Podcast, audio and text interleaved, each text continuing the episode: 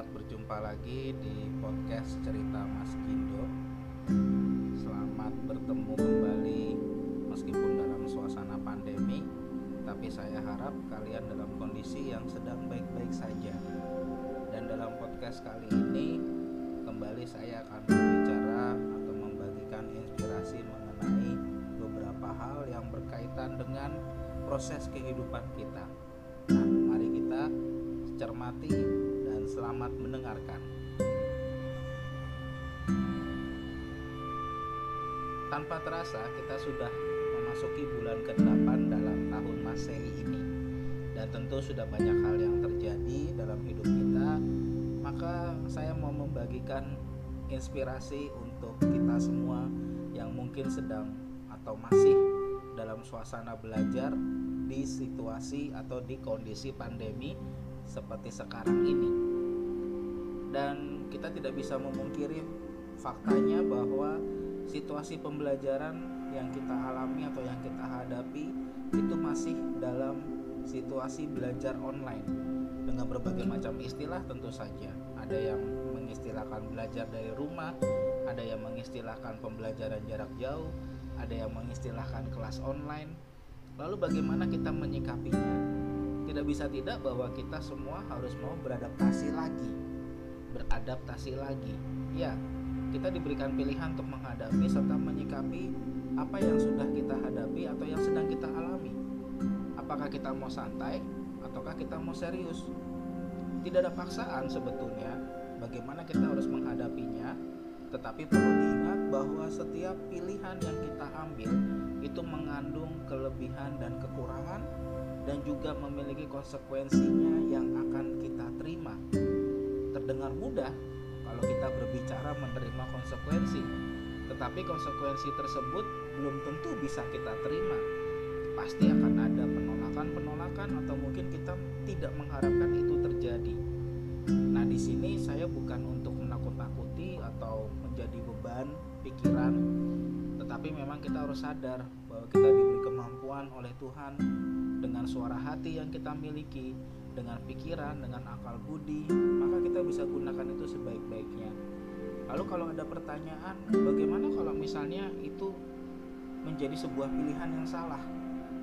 Ya kita belajar untuk bangkit, untuk bisa kembali menghadapi proses yang berikutnya karena memang sebagai manusia kita tidak luput dari kesalahan kalau memang itu terjadi dalam hidup kita Yesus saja pernah jatuh kok tiga kemudian dia bangkit dan akhirnya menjadi pemenang untuk menebus dosa kita.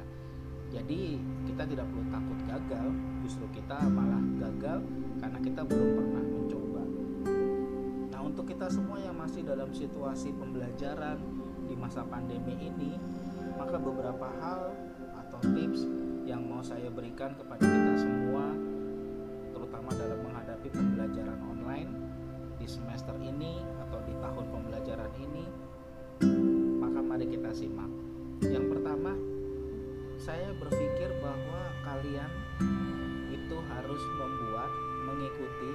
dan melakukan proses belajar menjadi menyenangkan bagaimana cara menyenangkannya apakah belajar yang menyenangkan dengan laptop yang canggih laptop gaming yang harganya sekian puluh juta ataukah belajar yang menyenangkan dengan menggunakan handphone yang harganya 15-an juta ataukah dengan menggunakan kecepatan internet yang 1 GB? Jawabannya tentu saja tidak. Proses belajar yang menyenangkan itu tidak semata hanya didasarkan pada sarana atau hanya pada teknologi fisik yang ya, canggih.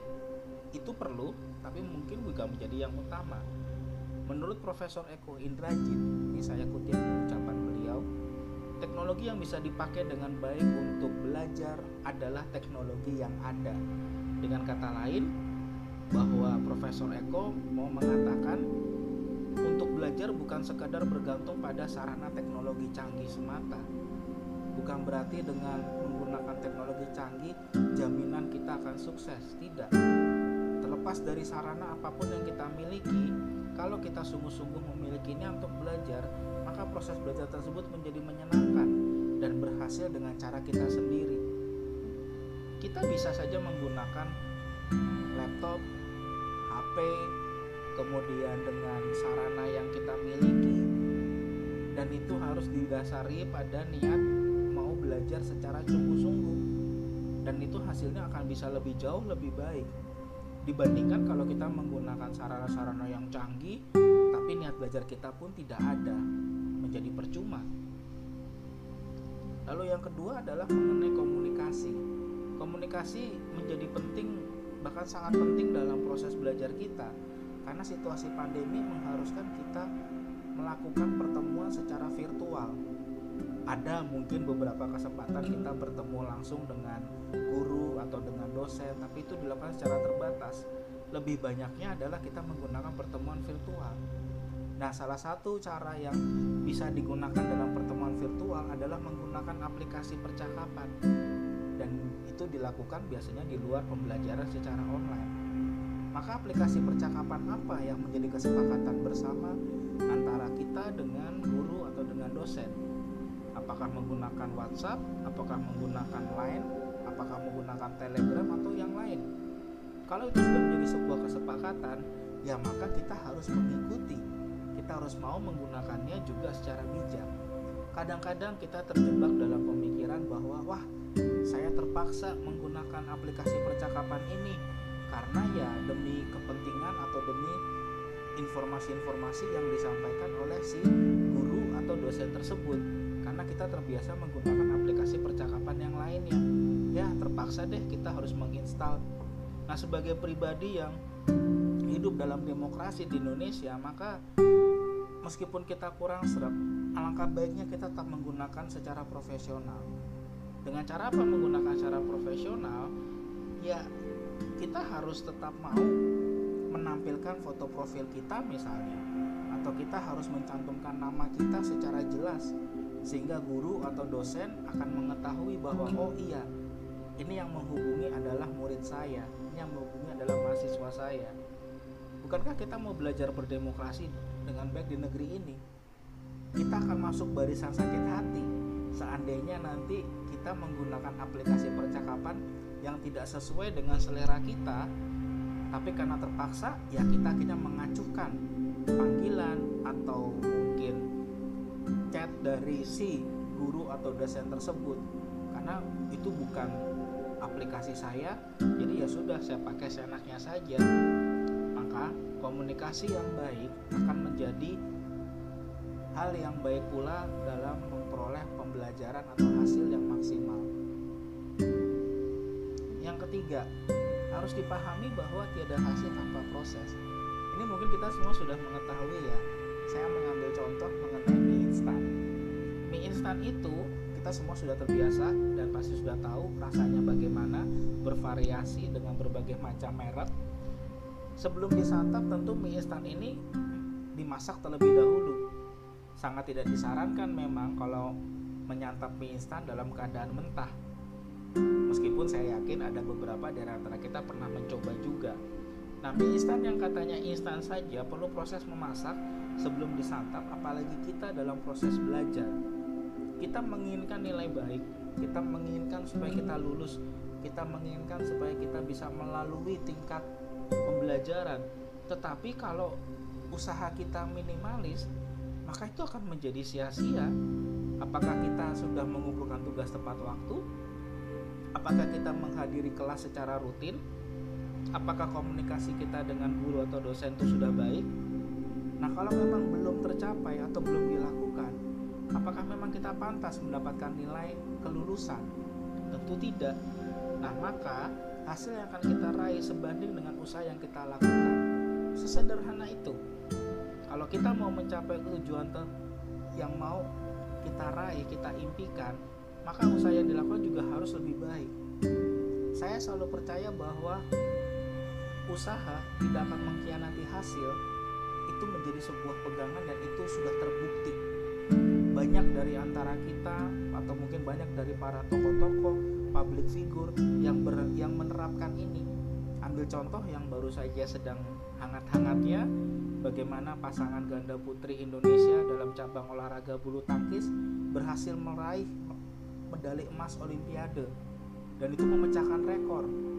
Salah satunya adalah atlet bulu tangkis ganda putri tersebut yaitu Gracia Poli memecahkan rekor sebagai pemain tertua yang mendapat medali emas Olimpiade.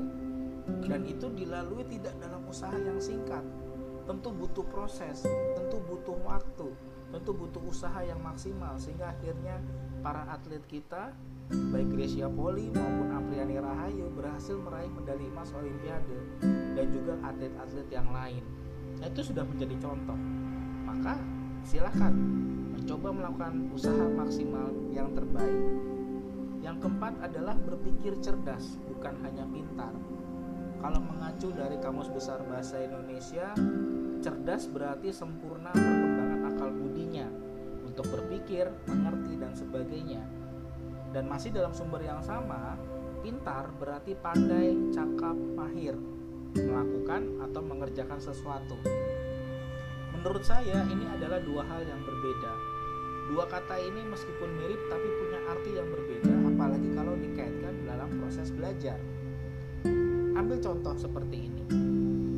Jika kita diminta menjawab satu soal yang ditanyakan guru atau dosen, maka secara otomatis kita akan mencari jawabannya di Google dan setelah ketemu jawabannya, maka jawaban tersebut kita copy paste di lembar kerja kita masing-masing, lalu kita kumpulkan. Nah, akhirnya guru atau dosen yang memeriksa tugas dan jawaban kita menemukan bahwa kita melakukan plagiat. Kenapa? Karena kita copy paste dari Google, kita copy, kita paste, kita letakkan di lembar jawab kita dan akhirnya kita mendapat sanksi poin menjadi berkurang atau tidak mendapatkan poin karena itu adalah plagiat. Nah, ini yang menurut saya belum cerdas. Lalu bagaimana? Itu kan sering terjadi dan kita mungkin tidak sadar. Yang harus kita lakukan adalah kita tetap mencari jawaban di Google. Dan ini berlaku untuk tugas ya, bukan untuk ujian. Karena itu nanti jatuhnya adalah nyontek. Jadi kita tetap mencari dari Google. Begitu ketemu jawaban yang dimaksud atau ketemu artikel yang di yang ditanyakan, maka kita membaca artikel tersebut. Kita baca lalu kemudian kita tuangkan atau kita tulis ulang dengan bahasa kita sendiri di lembar kerja kita masing-masing. Nah, guru atau dosen yang memeriksa akan melihat jawaban kita tidak terdeteksi oleh Google atau jawaban kita tidak copy paste dari Google. Kita melihat kita meniru dan kita modifikasi apa yang ada dalam Google tersebut. Nah itulah yang disebut sebagai cerdas bukan hanya pintar. Kalau cerdas kita merangkum kita membaca kita melihat lalu kita tuangkan kembali. Apa yang kita lihat kita baca dengan bahasa kita sendiri itu adalah cerdas. Nah, mana yang akan kalian pilih? Dan yang terakhir adalah berdoa kepada Tuhan. Doa menjadi ekspresi hubungan pribadi kita dengan Tuhan. Apa pun agama dan kepercayaan kita. Dalam berdoa terkadang kita malah cenderung dalam tanda kutip memaksa Tuhan untuk segera mengabulkan keinginan kita. Padahal Tuhan lebih tahu yang kita butuhkan, bukan sekadar yang kita inginkan saya berikan kembali dua contoh. Ada dua contoh doa. Doa yang pertama seperti ini. Tuhan, hari ini saya mau ujian. Saya sudah capek ujian terus. Saya sudah lelah belajar mengulang-ulang materinya. Apalagi pengajarnya killer, sangat tidak nyaman. Tuhan, saya ingin lulus. Kabulkan doa saya ini, Tuhan. Amin. Contoh doa kedua. Tuhan, Hari ini saya mau ujian. Saya sudah belajar untuk ujian ini. Dampingi saya dalam mengerjakan soal ujian. Apa pun hasilnya, saya pasrahkan sebagai hasil terbaik darimu. Terima kasih Tuhan. Amin. Dari dua contoh tersebut, kira-kira doa mana yang akan dikabulkan Tuhan? Saya lebih cenderung memilih contoh doa kedua. Ya, karena menurut saya kita tidak perlu memaksa Tuhan mengabulkan keinginan kita justru kita harus selalu siap dan kita harus mau memohon pendampingan Tuhan dalam setiap suka atau duka hidup kita. Dan kalau kita sudah memohon untuk pendampingan Tuhan dalam kondisi apa pun yang terjadi, maka Tuhan akan memberi yang kita butuhkan dengan caranya. Nah, sudahkah kita berdoa kepada Tuhan? Nah, itulah inspirasi yang mau saya bagikan dalam podcast kali ini.